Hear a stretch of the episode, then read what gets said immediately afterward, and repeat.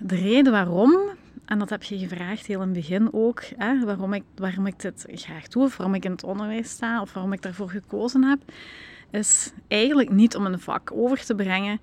Ehm, ik zeg altijd, ik wil iets betekenen voor de leerlingen. Ehm, op een manier die zij nodig hebben, ook op dat moment. Maar de tijd is zo kort, klein en um, beperkt dat dat niet altijd lukt. En in uw geval denk ik dat wij ons ja, bondgenotenschap, zal ik het zo noemen, eigenlijk gevonden hebben op het moment dat ik ook mijn broer verloren had, uh, een aantal jaar daarvoor. En dat ik daardoor misschien ook wel een soort van ja, verbinding voelde. Daar hebben we het woord weer. Hè? Verbinding voelde op dat moment. En um, ik denk dat uh, op dat moment voor u vooral belangrijk was Um, dat zoals je zegt, van thuis zit je in de miserie van iedereen heeft verdriet, rouw. Um, op school worden een aantal dingen van mij verwacht waar ik totaal geen boodschap aan heb, want ik ben met andere dingen bezig dan Engels, Nederlands, wiskunde en wat dan ook allemaal. Um, en je werd ook een beetje nu weg aan het zoeken, denk ik, uh, in het verhaal van wat is er nu van mij.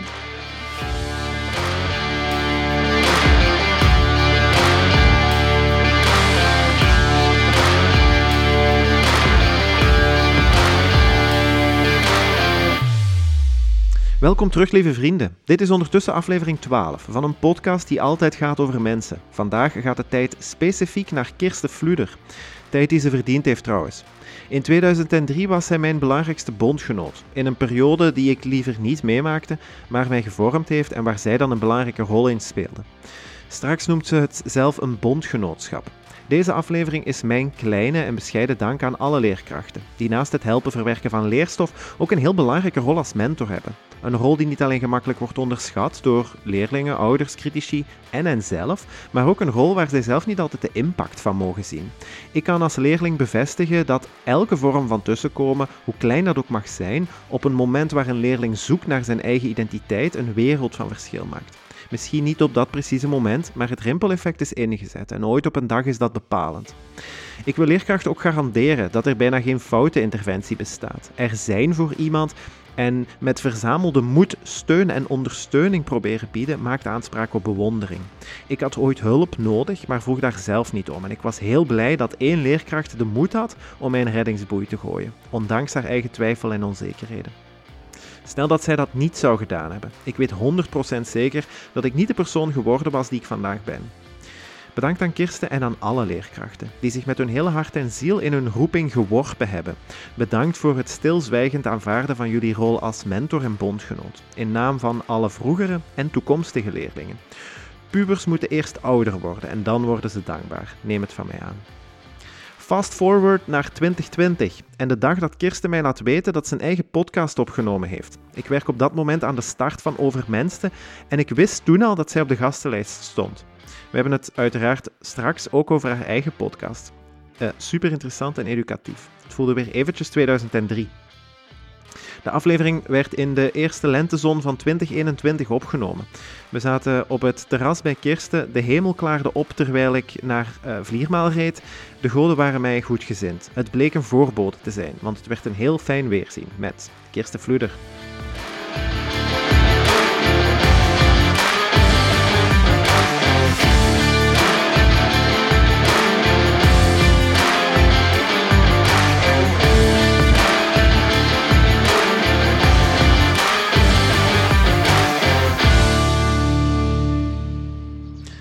Een, heel goede morgen, Kirsten. Goedemorgen. Ik ben uh, helemaal naar het uh, mooie Vliermaal Rood is het uh, gekomen. Even correctie, Vliermaal. Is dit niet Vliermaal Rood? Nee, Vliermaal Rood, nee, Vliermaal. Oké, okay. okay. mijn, mijn excuses. Dat is mijn excuses. Um, so, sommige, sommige rollen veranderen niet. Ja. Hè? Het blijft altijd een beetje een, een leerkracht-leerling verhaal. Um, maar dat mag, dat is goed. Um, ik, ik, we zitten ook buiten trouwens. Um, de, een van de eerste echte lentedagen van het jaar. Um, ik vond het wel eens, uh, vond het ook wel eens leuk om, uh, om ze buiten op te nemen. Um, hoe, hoe, voelt dit trouwens? Want dit is niet heel bekend terrein misschien voor u? Nee, het terrein is uiteraard zeer bekend voor in mij. Vliermaal? In Vliermaal zijnde en op mijn eigen in mijn eigen territorium, zo te zeggen. Maar al de rest is uh, zeer beangstigend, ja, vind ik toch wel. Want plots ben ik degene die de test ondergaat in plaats van degene die de test afneemt. Het is denk ik ook de eerste keer in ons leven dat we een beetje in een omgekeerde rol zitten, waar, waar, ik het examen afneem. Dus het is, uh, het, is, het is aan mij. Uh, de, de laatste keer dat ik bij u een examen heb afgelegd is ook wel al meer dan 15 jaar geleden, denk ik. Uh... Dat is misschien niet echt nodig om dat te zeggen, maar oké, okay, dat is goed. Oké, oké. Ehm, Kirsten, um, we, we, hebben het al verklapt. Ik ga het waarschijnlijk in de, in de intro ook wel alles verteld hebben. Um, je staat in het onderwijs. Nog maar heel recent, hè? Nog ja. maar heel kort. Ja, ja, ja.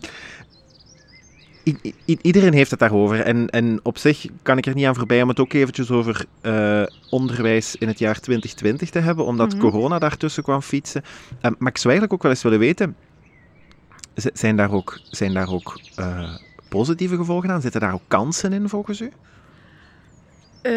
ja, en nee, maar zeker wel ook, omdat er al een tijdje sprake was van uh, blended learning. Um, het blended learning verhaal eigenlijk. Zo'n beetje, ja, wij noemen dat ook wel flipped classroom. Dat je eigenlijk de omgekeerde wereld gebruikt en het aanbrengen van de leerstof op voorhand introduceert bij de leerlingen en het dan in de klas erop terugkomt en inoefent. Oké. Okay. Um, ja, dat er, ze noemen dat flipped classroom. En blended learning is zo'n beetje de twee. Hè? We mixen de twee okay. door elkaar. Dus daar is ook wel de aanzet nagegeven bij dat hele verhaal. Um, als er dan al een positieve kant aan te geven valt. Mm -hmm. Wat waren de grootste uitdagingen voor, voor, voor u? Voor mij persoonlijk, gezien ik toch nog maar recent in het onderwijs stond, is dat uh, ja, het, het voor de klas staan, één, al wegviel. Hè? Voor de klas staan, letterlijk fysiek. Um, een tweede is dat um, ja, het, het overweg kunnen met de digitale mm -hmm. um, van het hele verhaal. Uiteraard, uh, PowerPoints maken pff, maakt op zich niks uit. Hè. Ik bedoel, dat, kan, dat, kon, dat kon ik ook wel. Maar ja, uh, het magische van al de andere digitale toestanden, dat heb ik toch moeten leren ontdekken. Wel door collega's mm -hmm. uh, die nog recenter in het onderwijs gestapt zijn en die er toch al wel wat meer mee weg konden. uh, waarvoor heel erg dank, want uh, ja, ik denk dat ik zonder hun ook wel wat, wat verloren gelopen was. Mm -hmm. Maar dat miste ik wel. Uit je comfortzone stappen. Mm -hmm. Um, en ineens van thuis uit ja, uw lessen geven, dat, dat is eigenlijk, allee, dat zegt me totaal niks eigenlijk. Nee, dat is een beetje het verbindingsstuk dat, ja. dan, zo, dat dan zo ontbreekt. Mm -hmm. Want, allee, en, en misschien speel ik dan een beetje advocaat van de duivel, het feit dat zo het, het technische stuk van het onderwijsverhaal er opeens bij kwam, ja.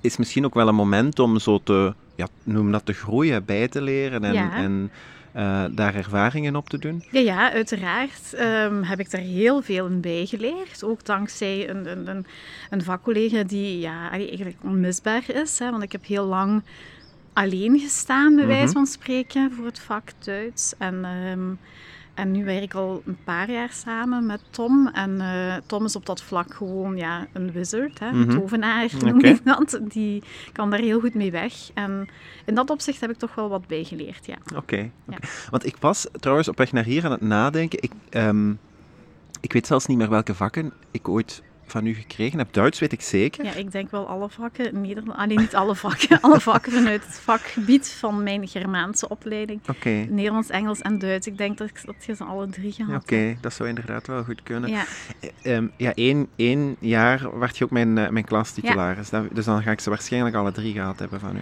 Ik heb één jaar inderdaad als klastitularis de drie vakken gegeven. Maar ik weet nu niet of dat bij u het geval ja, was. Ik denk, ja. ik denk het wel. Ik denk het wel.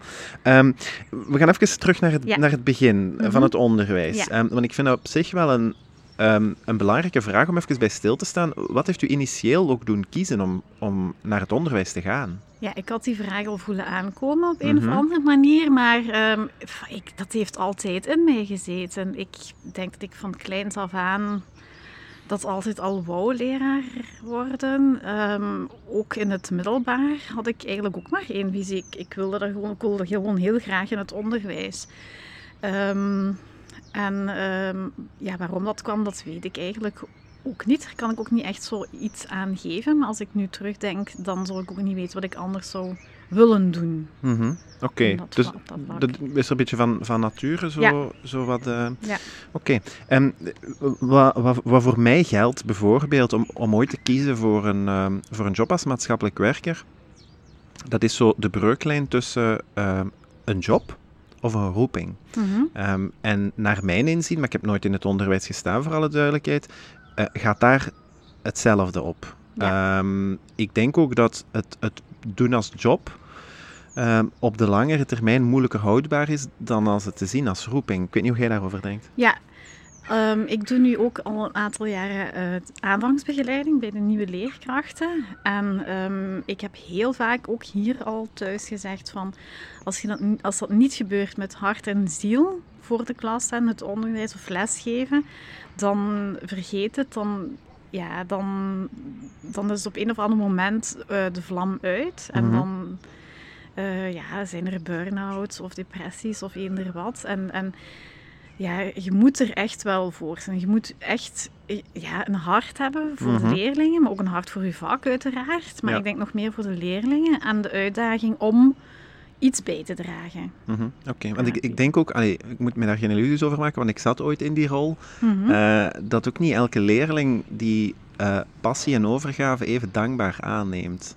Nee. Ehm, dat is een beetje, ja, want, ja dat zijn, zijn jonge mensen. Hè? Mhm. Ik bedoel, ehm, dan, is het dan de kunst om daar een beetje doorheen te kunnen kijken, ook op die momenten? Of?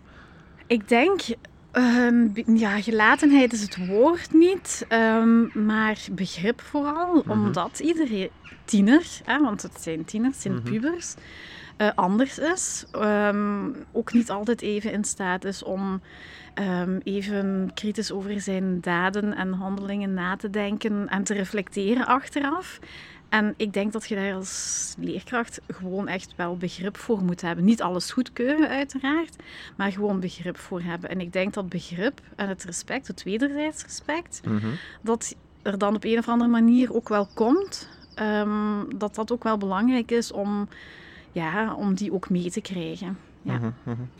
Is, is het onderwijs... ehm, ja, het onderwijs zal ongetwijfeld veranderd zijn ehm, tussen de tijd dat, dat ik nog leerling was en vandaag. Ehm, wat zijn voor u zo de, de grootste ingrijpen, de meest ingrijpende veranderingen misschien? In het onderwijs Ja. zelf of nu met, met betrekking tot mij? Ehm, eh, laat ons eerst eens over u inderdaad nadenken. Wat zijn voor u de grootste veranderingen? Voor mij zijn de grootste veranderingen, als ik nadenk over de periode eh, waarin jij bij mij in de klas zat, denk ik ook dat ik zelf in een periode zat dat ik ehm, ja, in een andere periode zat. Gewoon een heel ander mindset. Ehm, ook thuisverhaal, kleine kinderen. ehm, wat ook veel doet natuurlijk, wat veel energie vraagt. En op die manier ook nog niet zo de, de relativeringskunst gevonden eh, heb op dat moment om eh, alles achter mij te laten. Terwijl ik nu, en ik vertel dat aan diegenen die ik dan begeleid, ook in september altijd op een of ander magisch moment, ehm, is er iets gebeurd waardoor dat eh, omgedraaid is en waarom, waarop ik eigenlijk minder last heb van ehm, ja, van alles wat er in de klas gebeurt. Hè. Dus ik stel nu maar bijvoorbeeld ja, leerlingen die zich een beetje zetten of, of ja, Weerstand. weerstand, Ja, inderdaad. ja. Hè? De weerstand die je, dan, die, die je dan voelt. Ik denk dat ik dat op een of andere manier heb leren relat- relativeren. Dat is Mhm. voor mij vooral Mhm. hetgeen dat er veranderd is. Ja. Je, je noemt het magie. Ehm, is het ook iets waar dat je... ehm, weet je wat er aan de basis ligt? Of, of is dat echt zo bijna... Nee, ik weet echt niet wat er aan de basis ligt. Het is, het is ineens gekomen. Oké, fijn. Niet ineens, nou ja, natuurlijk. Het zal ook wel gelinkt zijn aan jarenlange ervaring. Ehm, en ehm, ja, ook, ook ja, op, dat, op, op al die jaren zijn er ook wel leerlingen altijd geweest uh, die een uitdaging waren. En Mhm. ja, waar, waarop je dan manieren gezocht hebt om hoe kan ik die meekrijgen? Ehm, wat kan ik daar het beste mee doen? En uiteindelijk vind je die manier. En ja, dat is er nu gewoon. Dus ja, ik vind het toch wel iets speciaal. Oké. Ja. Is, is er ook iets veranderd aan zo de gemiddelde leerling?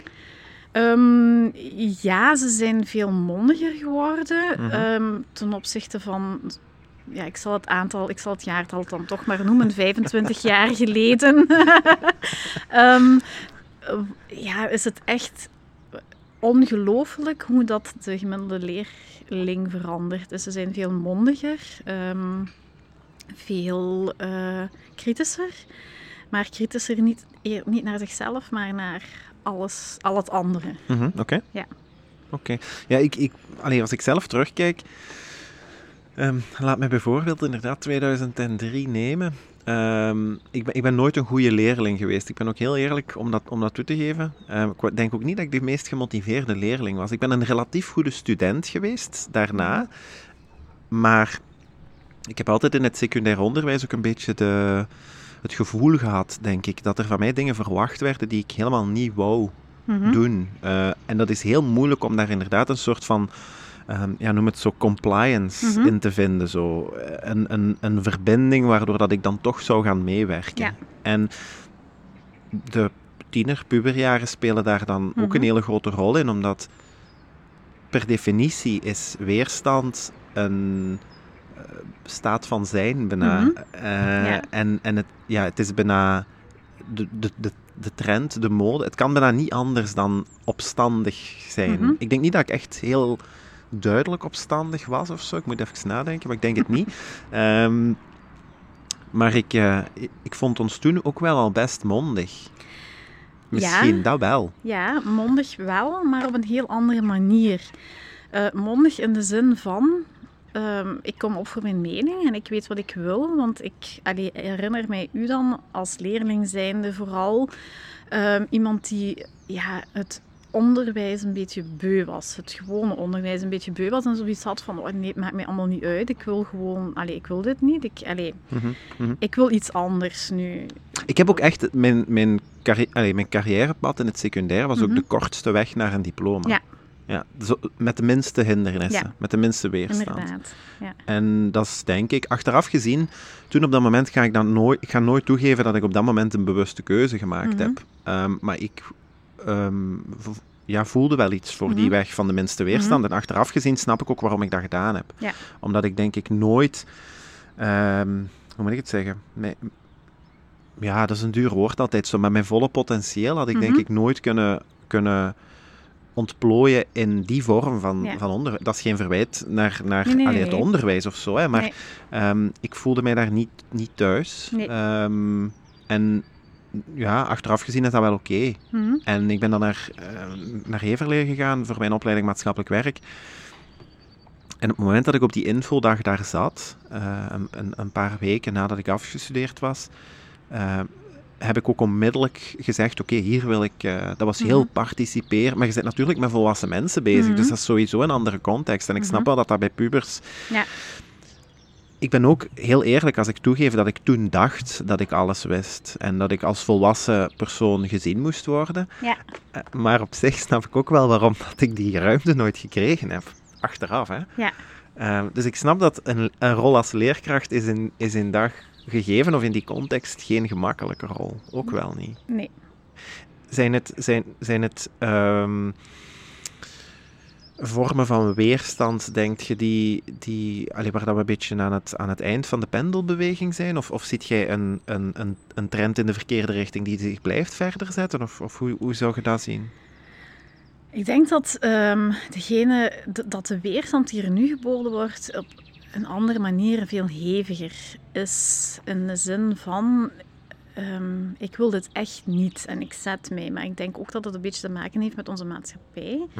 Waarin ehm, ja, ook redelijk snel, waarin men ook heel kritisch is, waarin men ook ehm, de kans krijgt om kritisch te zijn, wat heel goed is en heel positief is.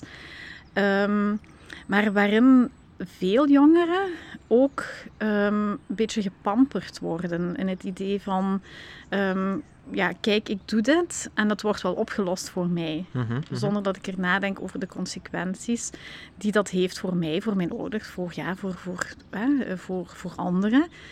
In die zin vind ik het een negatieve evolutie. De positieve evolutie is natuurlijk dat ja, ook heel, allee, dat die, die weerstand, die, dat dat kritisch zijn, Mhm. dat dat ook in hun voordeel kan werken natuurlijk. Hè. Kritisch zijn op, ja, op, op hetgeen dat hun voorgeschoteld wordt, bij wijze van spreken, in, in de lessen. Mhm. Ehm, dat mag, hè, dat kan, dat is positief, maar dat eh, gebeurt allee, in, in onze regio eigenlijk minder. Oké. Oké.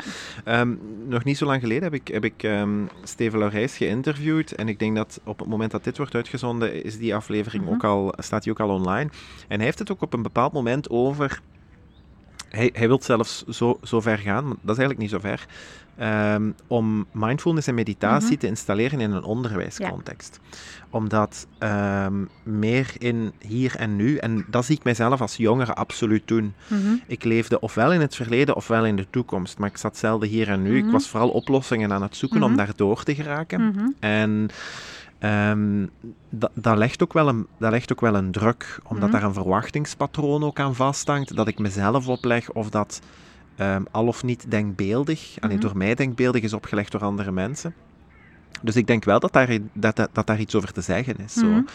En op, op zich denk ik dat zo het, het vermogen om te reflecteren als, als puber, dat, dat is sowieso moeilijker, denk ik ook. Omdat je naar antwoorden aan het zoeken bent, denk ik, van Mhm. hoe dat de wereld in elkaar steekt en hoe dat, hoe dat ja, mensen en maatschappij, hoe dat, dat werkt. Mhm. M- Maar zo, ja, mindfulness vond ik wel een interessante insteek. Ja. Ehm, maar gelijk niet heel verrast als ik dat zeg. Nee. Nee, vertel eens. Ook omdat ik eh, een aantal jaar geleden een opleiding gevolgd heb, mindfulness. eh, via, dat was, ik denk de CM toen. eh, dat is een, een, een opleiding van, dat waren tien weken, denk ik. Ehm, waarin ja, ik ook altijd zoekende geweest ben naar dingen. Nu gewoon voor mezelf, daarom los van het onderwijs. Maar ik heb dat dan ook ehm, geprobeerd om te implementeren in de klas waar dat ik kwam. Om eh, zoveel mogelijk bij het begin van de dag of bij het begin van de les, zeker in de moeilijkere klassen, eventjes stil te staan bij, oké, kijk, we zijn er hier en nu. Ehm, maar ik ben er dan ook wel mee gestopt, moet ik eerlijk zeggen. Vertel eens.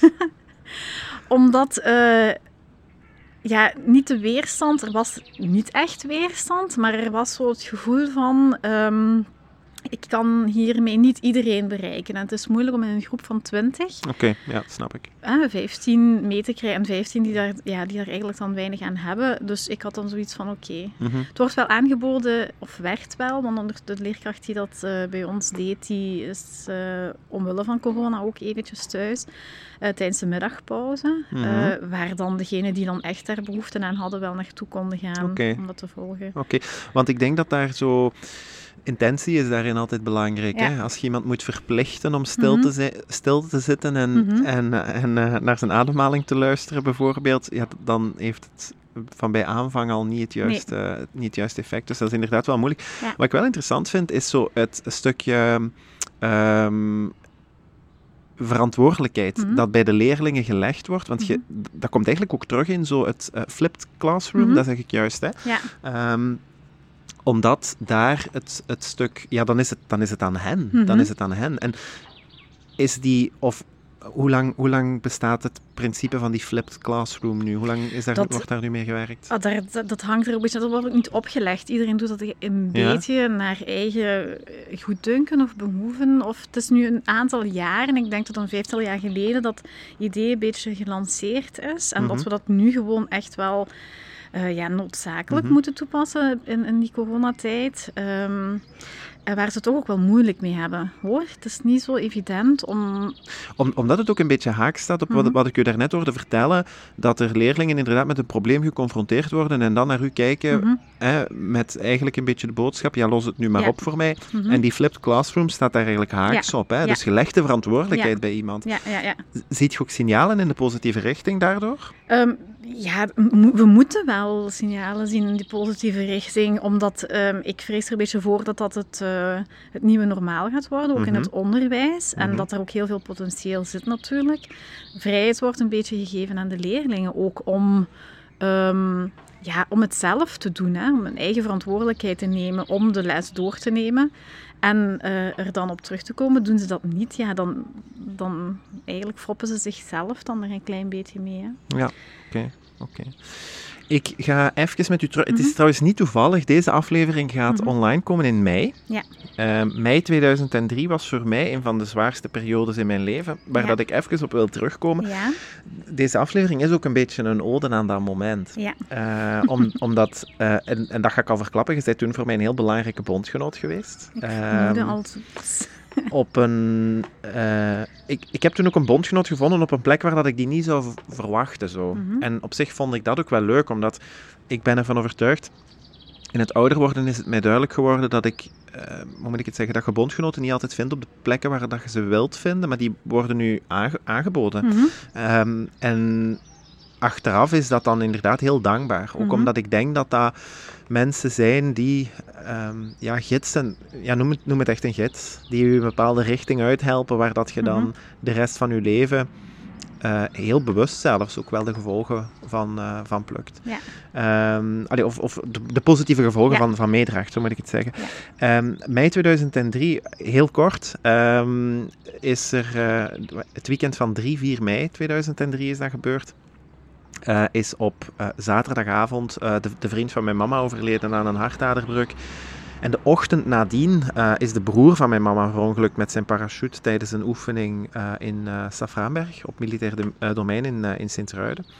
Ehm, en dat nieuws is eigenlijk tot, ja, gelijktijdig tot bij mij geraakt. Die twee dingen stonden los van elkaar. Die kwamen toevallig of niet toevallig ook heel goed overeen met elkaar, die Mhm. twee. Ehm, dus dat was op een tijd van, ja, eigenlijk nog geen 24 uur dat ik die twee dingen eh, te verwerken kreeg. Mhm. Ja, ehm, Mark, eh, de vriend van mijn, van mijn mama, is, is eigenlijk onmiddellijk overleden. Eh, Erik heeft eh, dan nog, een, enk- nog eh, een, een aantal dagen, ik denk dat hij 6, 6 mei is die overleden. Mhm. Dus dat is twee dagen later is hij overleden in het ziekenhuis van Sint-Truiden. Ja, eigenlijk ten gevolge van ja, de letsels die Mhm. hij opgelopen heeft bij het ongeval. was een bijzonder zware periode. Ik denk dat ik ehm, toen op dat moment daar ook... Dat was mijn eerste confrontatie, denk ik, ook met zo'n dingen. Ehm, en, en wij zijn op dat moment ook naar bosklasse vertrokken, denk ik. Eh, uitdaging, denk ik. Of uitdaging. Ja. Wij, zijn, wij zaten in Ardennen in Ja. elk geval. Want ik zat in Ardennen op het moment dat mijn onkel overleden is. Ja. Eh, en dan ben ik daardoor ook vroeger teruggekomen naar, eh, naar, naar Limburg. Om dan, Mhm. want dan was het echt een week lang begrafenissen en groeten. En, allee, echt een verschrikkelijke periode. En ehm, ik, ik heb daar achteraf ook wel heel veel uitgehaald. En ik denk dat... Ja, allee, ik moet, dat, moet, dat, moet dat ook erkennen. Eh, daar Mhm. zit ook wel wat dankbaarheid naar u toe. Mhm. Omdat dat was het jaar waarop dat jij mijn klastitularis waart. En ik denk dat die periode op school, wat toch... Ja, hoe lang zit iemand op school gemiddeld? In totaal 12 jaar in principe, hè? Maar per, Maar- per, per week Ah, per bijvoorbeeld. week. Ehm, Ho, ho. is dat ook een 38 uur? 34, week? ja, 34. 34. Dus ik zat wel 34 uur per week op een schoolbank met, met die dingen in mijn hoofd. En, en thuis zitten had waarschijnlijk ook niet zo heel veel uitgehaald. Ik heb Mhm. ook heel veel steun gehad van, eh, van, van vrienden op dat moment. Maar, en die feiten gaan nu verjaard zijn, dus ik ga dat wel mogen Mhm. zeggen, denk ik. Hè. Ik heb ook van, van u heel veel ruimte gekregen om daarmee aan de slag te gaan. Eh, Mhm. ik herinner mij ook dat er een bepaald... Er, er was een toets of een examen, denk Mhm. ik, waar dat ik eigenlijk gewoon een schrijfopdracht gekregen heb, die ik dan ook met heel veel overtuiging gedaan heb. Eh, ik heb die over laatst nog teruggevonden trouwens, die schrijfopdracht. Ehm, en dat ja, was, was eigenlijk een, een soort van ja, waar ik de kans kreeg om een soort van korte biografie te maken van die twee personen en wat die voor mij betekend hadden. En dan ook zo een aantal teksten te schrijven met gewoon mijn, mijn, mijn gevoelens en mijn emoties die ik daarbij voelde. Ehm, zo, zowel van, van ja, voor dat weekend als, als daarna en hoe ik daar dan mee omging. Ehm, ik, ik heb dat op, op dat moment had ik daar de ruimte niet voor, maar achteraf heb ik dat wel besef dat dat niet zo evident is Mhm. om een bondgenoot te vinden in die rol. Ik ben daar zelf ook heel dankbaar voor, maar ik vind dat zelf de meest onderschatte rol die een leerkracht heeft in het onderwijs, denk ik. Mhm. Maar eh, ik heb daar nu zelf heel veel over verteld. Maar ik, ik, ik wil graag uw, uw idee daarover. Mijn idee over Ja, over, over eh, dat, de periode toen of, of, of het verhaal van, van wat een leerkracht kan betekenen voor een Ja, ik, ik zou heel graag, allee, ook zo omdat ik daar een beetje erkenning aan wil geven. Ja. Ehm, ik, ik ga, ja, misschien heeft dat op, in een zekere zin wel mijn, mijn, mijn, misschien mijn leven niet gered, maar, maar zeker wel boven Mhm. water gehouden. Zo. Ik vind dat, dat we daar niet licht overheen Mhm. mogen gaan. Ik, ik twijfel er ook geen seconde aan dat ik een geïsoleerd geval was. Mhm. Dit gebeurt dagelijks waarschijnlijk. En dan is het wel ook, ook misschien voor een leerkracht die nu luistert, hè, misschien wel een, wel een mooie Mhm. boodschap, allee, dat, dat het meer is dan inderdaad een, een, een vak beheersen en, Ja. en daar iets mee doen. Ja. En dan kom je recht naar mijn hart. Want eh, de reden waarom, en dat heb je gevraagd heel in het begin ook, hè, waarom, ik, waarom ik dit graag doe, of waarom ik in het onderwijs sta, of waarom ik daarvoor gekozen heb, is eigenlijk niet om een vak over te brengen. Ehm, ik zeg altijd, ik wil iets betekenen voor de leerlingen. ehm, op een manier die zij nodig hebben, ook op dat moment. Maar de tijd is zo kort, klein en ehm, beperkt dat dat niet altijd lukt. Ja. En in uw geval denk ik dat wij ons ja, bondgenotenschap, zal ik het zo Ja, noemen, ja. eigenlijk gevonden hebben op het moment dat ik ook mijn broer verloren had, eh, een aantal jaar daarvoor. Ja. En dat ik daardoor misschien ook wel een soort van ja, verbinding voelde. Daar hebben we Mhm. het woord weer, hè? verbinding voelde op dat moment. En ehm, ik denk dat eh, op dat moment voor u vooral belangrijk was ehm, dat, zoals je zegt, van thuis zit je in de miserie van iedereen heeft verdriet, rouw. ehm, Ja. Op school worden een aantal dingen van mij verwacht waar ik totaal geen boodschap aan heb, want ik ben met andere dingen bezig dan Engels, Nederlands, wiskunde en wat dan ook allemaal. Ehm, en je werd ook een beetje nu weg aan het zoeken, denk ik, eh, in het verhaal van wat is er nu van mij. Ik denk ook dat we dan op dat moment zo'n beetje lectuur ehm, voorgesteld hebben. Ja, De Celestijnse beloften, als Ja. ik mij niet goed... Allee, als ik mij, als ik Jawel, niet jawel, die heb ik ook uitgelezen. Ehm, Op vrij- want ieder- als ik dat boek dan aan het lezen was, sprak iedereen mij daar ook over aan. Is, is dit wel iets voor uw leeftijd? Ja. Omdat dat, dat is wel een pittig boek. Ja, ja, uiteraard.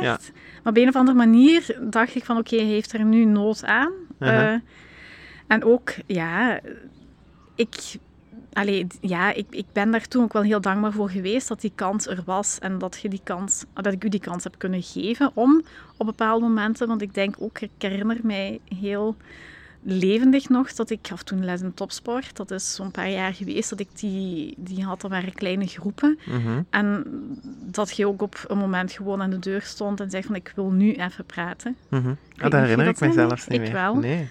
Ehm, omdat je daar nood aan had op dat moment. En Ja. dat we dan daar, ja, het ging ook wel daar tijd even voor gemaakt hebben. En dan was dat weer oké en dan eh werd je weer vertrokken. Oké.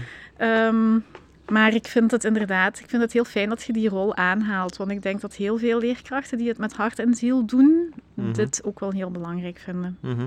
Ook omdat ik, ik wil een beetje de boodschap uitdragen dat on- eh, 2003 ligt al Mhm. even achter Mhm. ons. En ehm, ik ben ondertussen 35 jaar. Maar dat is wel nog altijd iets ehm, wat dat vrij bepalend ge- gebleven Mhm. is in mijn leven. Ik Mhm. denk ook dat ik... Allee, die periode is voor mij ook een heel leerrijke periode geweest. Wie ik ben als persoon. Mhm.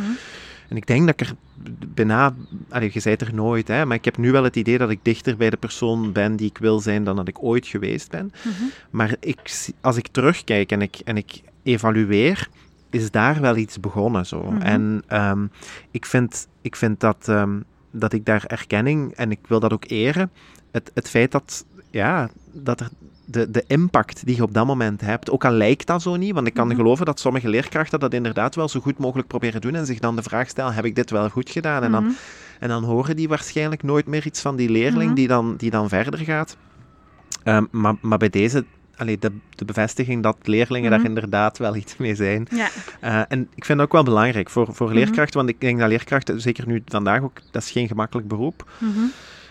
eh, maar dat die ook beseffen eh, Mhm. dat dat inderdaad wel een grote impact kan hebben op mensen die, ehm, ja, zo, hoe moet ik het, ja, echt, echt zo in, in het levenspad eh, Mhm. zelfs een bepaalde impact hebben. Ja. Ehm, dus dan vind ik het zeker de moeite waard, hoe, hoe Mhm. klein dat die interventie ook kan, Mhm. kan zijn. Hè? Maar soms is het ook gewoon een... Ja, je hebt mij dan inderdaad een, een boek doorgeschoven waar dat ik ondertussen al heel veel vervolgboeken, maar gewoon in een compleet andere vorm. Maar altijd in mijn achterhoofd komt dat wel terug. Ah ja, oké, dat, dat heb ik daaruit geleerd. En, ehm, dus dan, dan had ik zo'n beetje mijn, mijn pad. Ehm, Ja. Iets totaal anders, maar daar Ja. denk ik nu opeens aan.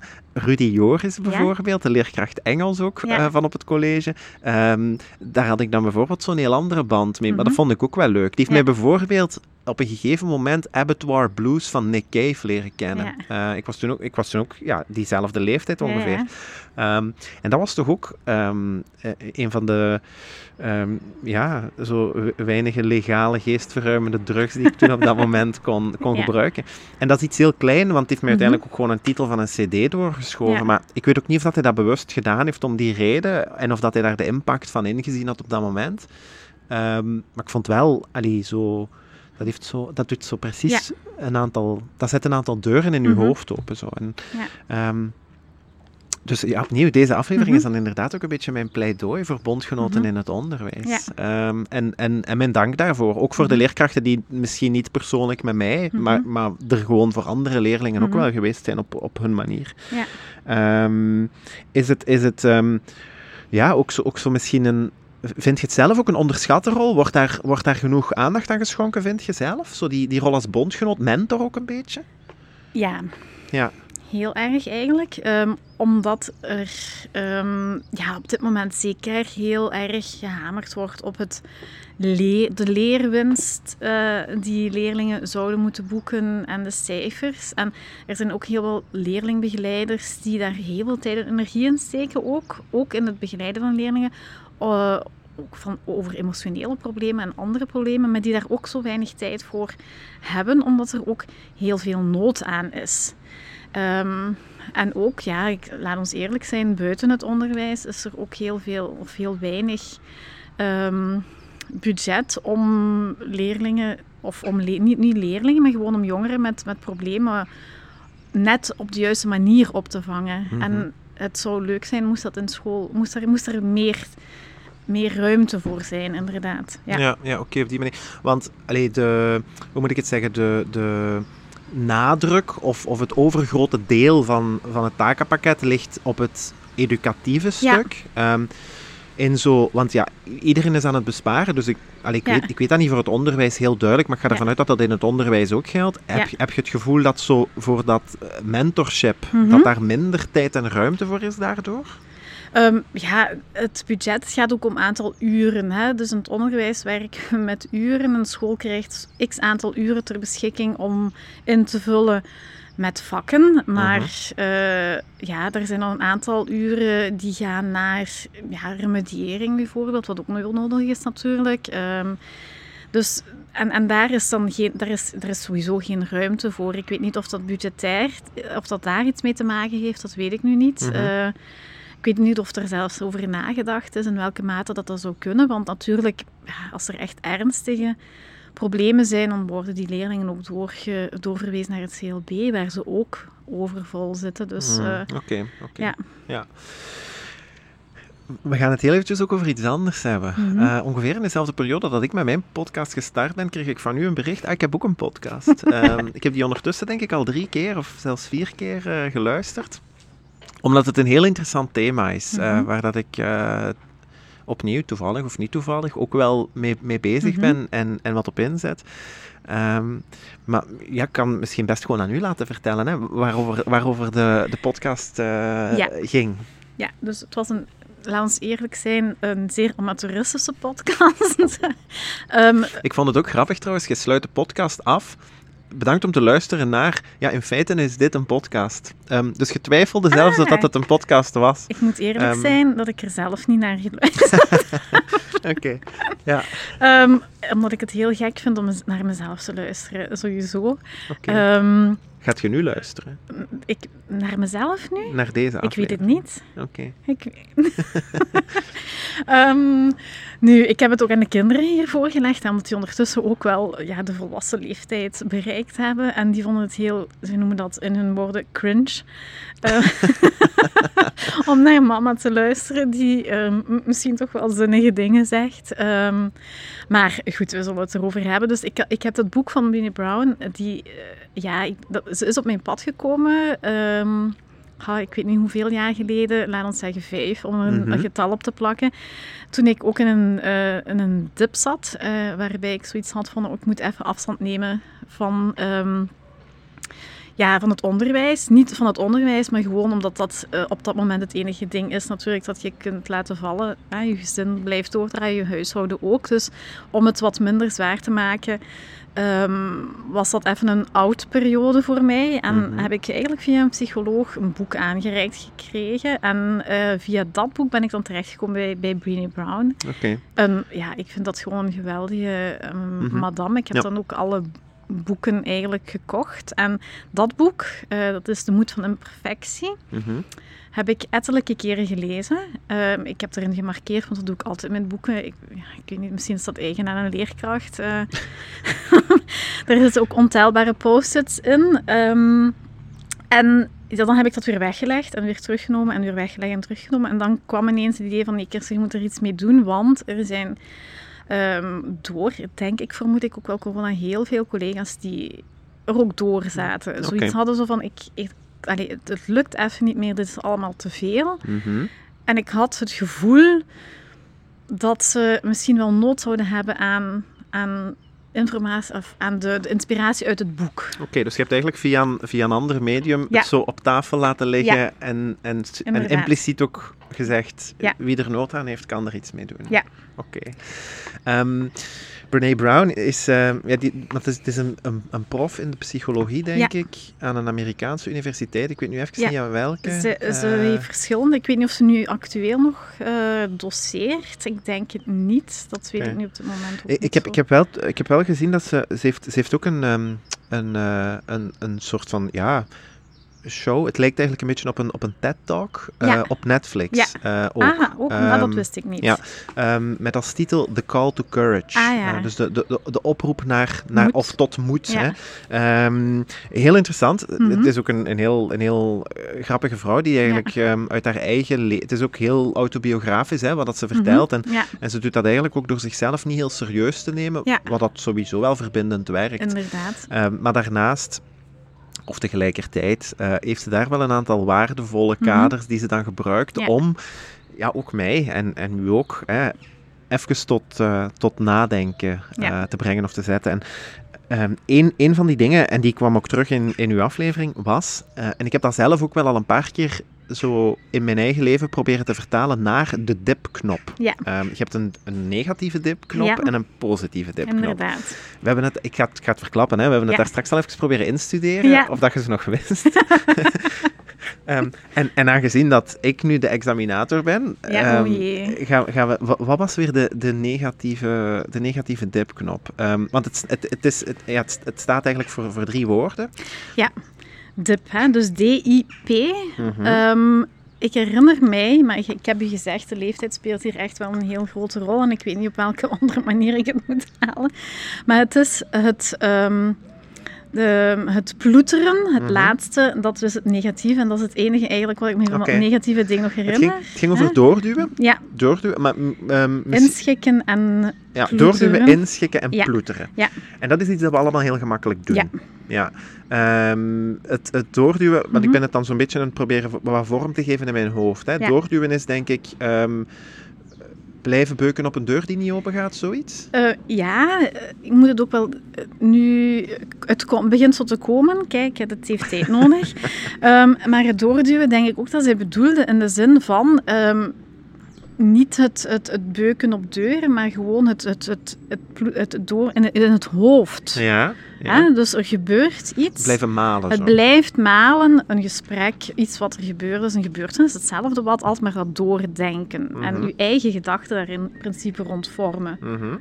Hè? Oké. Eh, en dan het, de wil om, om in te schikken. Want ja, oké, er wordt dat van mij verwacht. Ik heb dat gedaan, ik heb dat gezegd. En, eh, en dan het ploeteren, het maar blijven doordoen, er niks aan veranderen. Oké, en, en het inschikken is dan eigenlijk...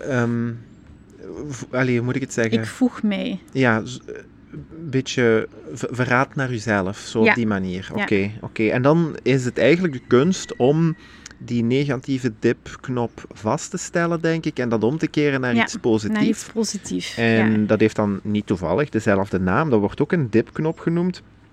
Maar daar gaat het over, eh, ook DIP, maar dan gaat het over duidelijkheid, Ja. over inspiratie en over een positieve actie. ja, kijk, dat wist ik nu wel nog. We gaan het nooit weten. Nee, nee, nee. De, ja, nee, de duidelijkheid scheppen in het, hetgeen dat gebeurd is, gezegd is. Hè? Wat is er nu echt concreet gebeurd? Nadenken over wat er gezegd is. Mhm. Voor mij is het even op, op pauze Ja, blijven staan. Ehm, Mhm. Daar zit ook een heel groot betoog in voor mindfulness, Ja. hier en nu. Mhm. Eh, niet malen over het verleden of niet piekeren over de toekomst. nee. Ehm, en dat is inderdaad een beetje analyseren ook. Hè? Ehm, duidelijkheid krijgen over het, over het probleem of over de situatie. Ja. En dan is Inspiratie. inspiratie de volgende. En dat is eigenlijk een logisch gevolg. Hè? Want hoe duidelijker een situatie komt, dat gaat op een gegeven moment zo wel ergens een, een lichttoen aangaan Mhm. die dan inspiratie geeft. Ja. En, en eens die hinkstapsprong genomen is, kom je eigenlijk spontaan uit bij... Bij de positieve actie. Ja, ja. Geslaagd voor dit examen. Oké, perfect.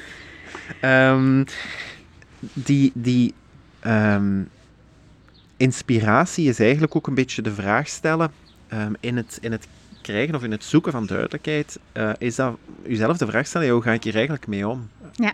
En dat vond ik op zich... Ik weet zelfs niet of ik, dat ik die vraag uit, uit haar boek gehaald heb Mhm. of, of daar nu zelf op gekomen ben.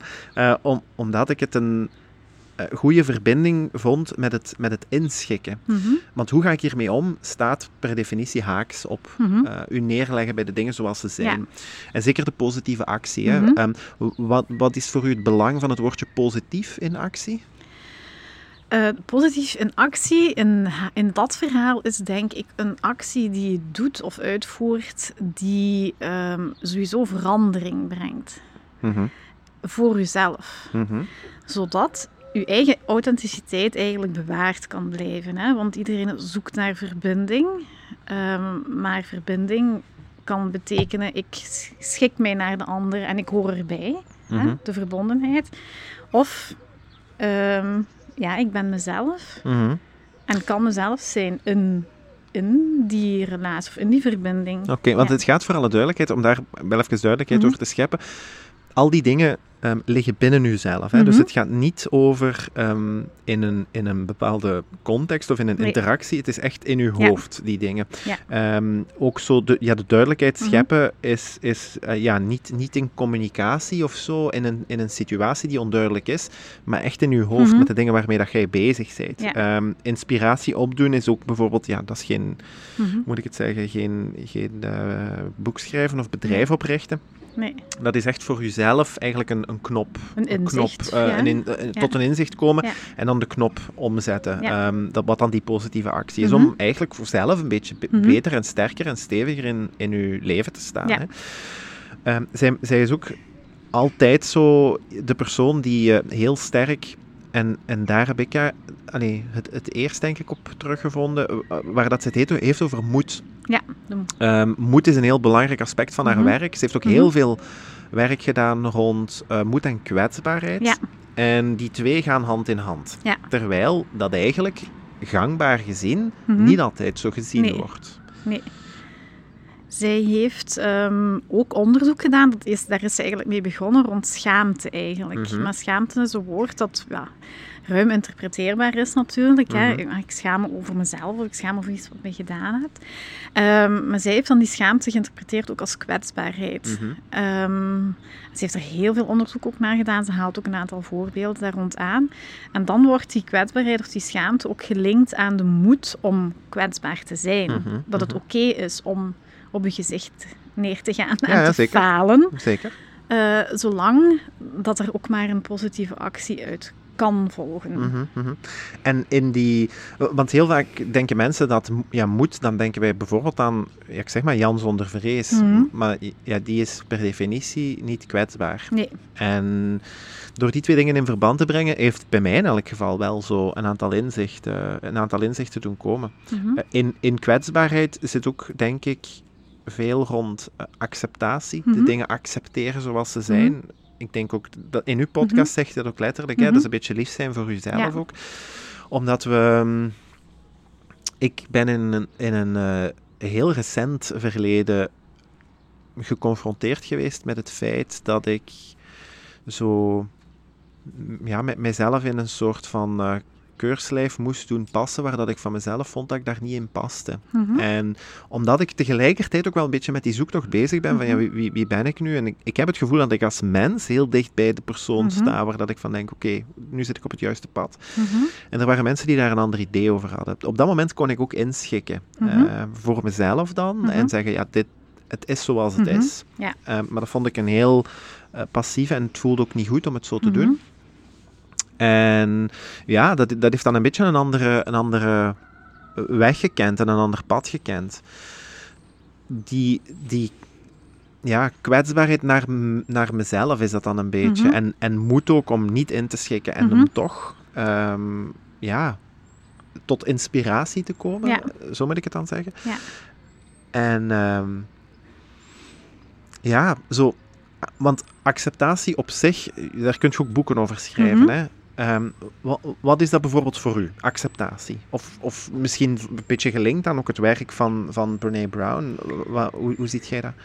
Voor mij is acceptatie eigenlijk gewoon ehm, acceptatie, het aanvaarden van dat het oké is om te zijn wie dat je zijt. Mhm, mhm. Dat het oké is, dat er geen druk op u gelegd wordt door uzelf, eigenlijk, Mhm. vooral grotendeels door uzelf, Mhm. eh, om een, ja, in mijn geval dan, hè, een goede mama te zijn, een goede dochter te zijn, een goede vrouw te zijn, een goede collega, vriend, vriendin, en zo verder en zo verder. Mhm. Ehm, dat.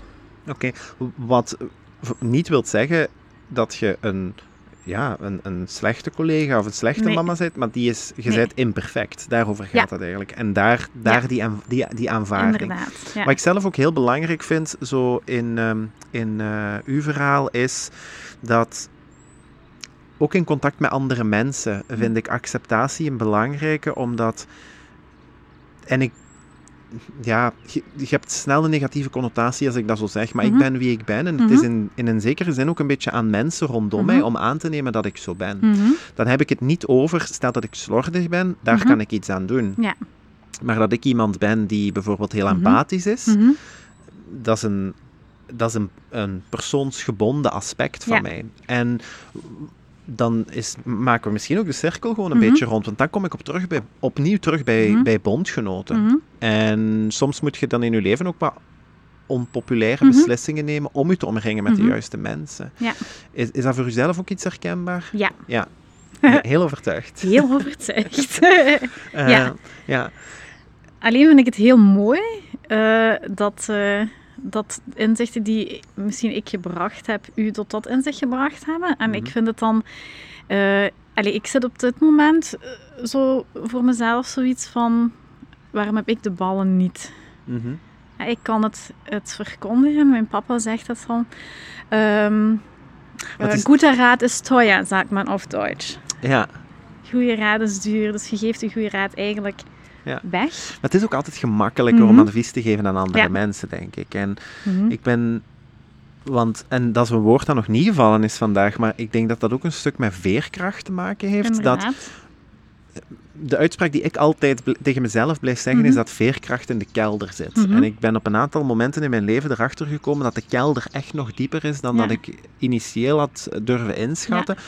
En op dat moment vind ik daar dan iets waardoor dat ik denk, oké, Mhm. nu is het aan mij, maar dan is het ook echt aan mij. Mhm. En ehm, de, hoe moet ik het zeggen, de, de, de pessimisten rondom mij gaan dat dan een beetje egoïsme noemen. Mhm. Maar eigenlijk is dat niet. Nee. Eigenlijk spreken die personen mij aan op het feit dat ik ehm, ja, een beetje hun verwachtingen niet wil invullen. En dat ik daarvoor kies en dat ik voor mezelf kies. Dat Ja. heeft eigenlijk niks te maken met egoïsme. nee. Ehm, want het is, ja, als je het omdraait, is het van die persoon net heel Mhm. egoïstisch dat die verwachten dat ik onvoorwaardelijk energie blijf schenken. Ja, ja.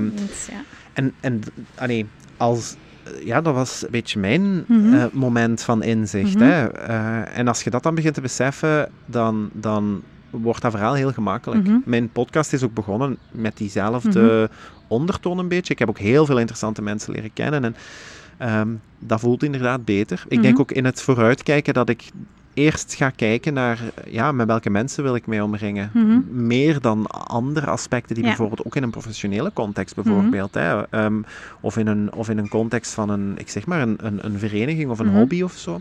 Ja.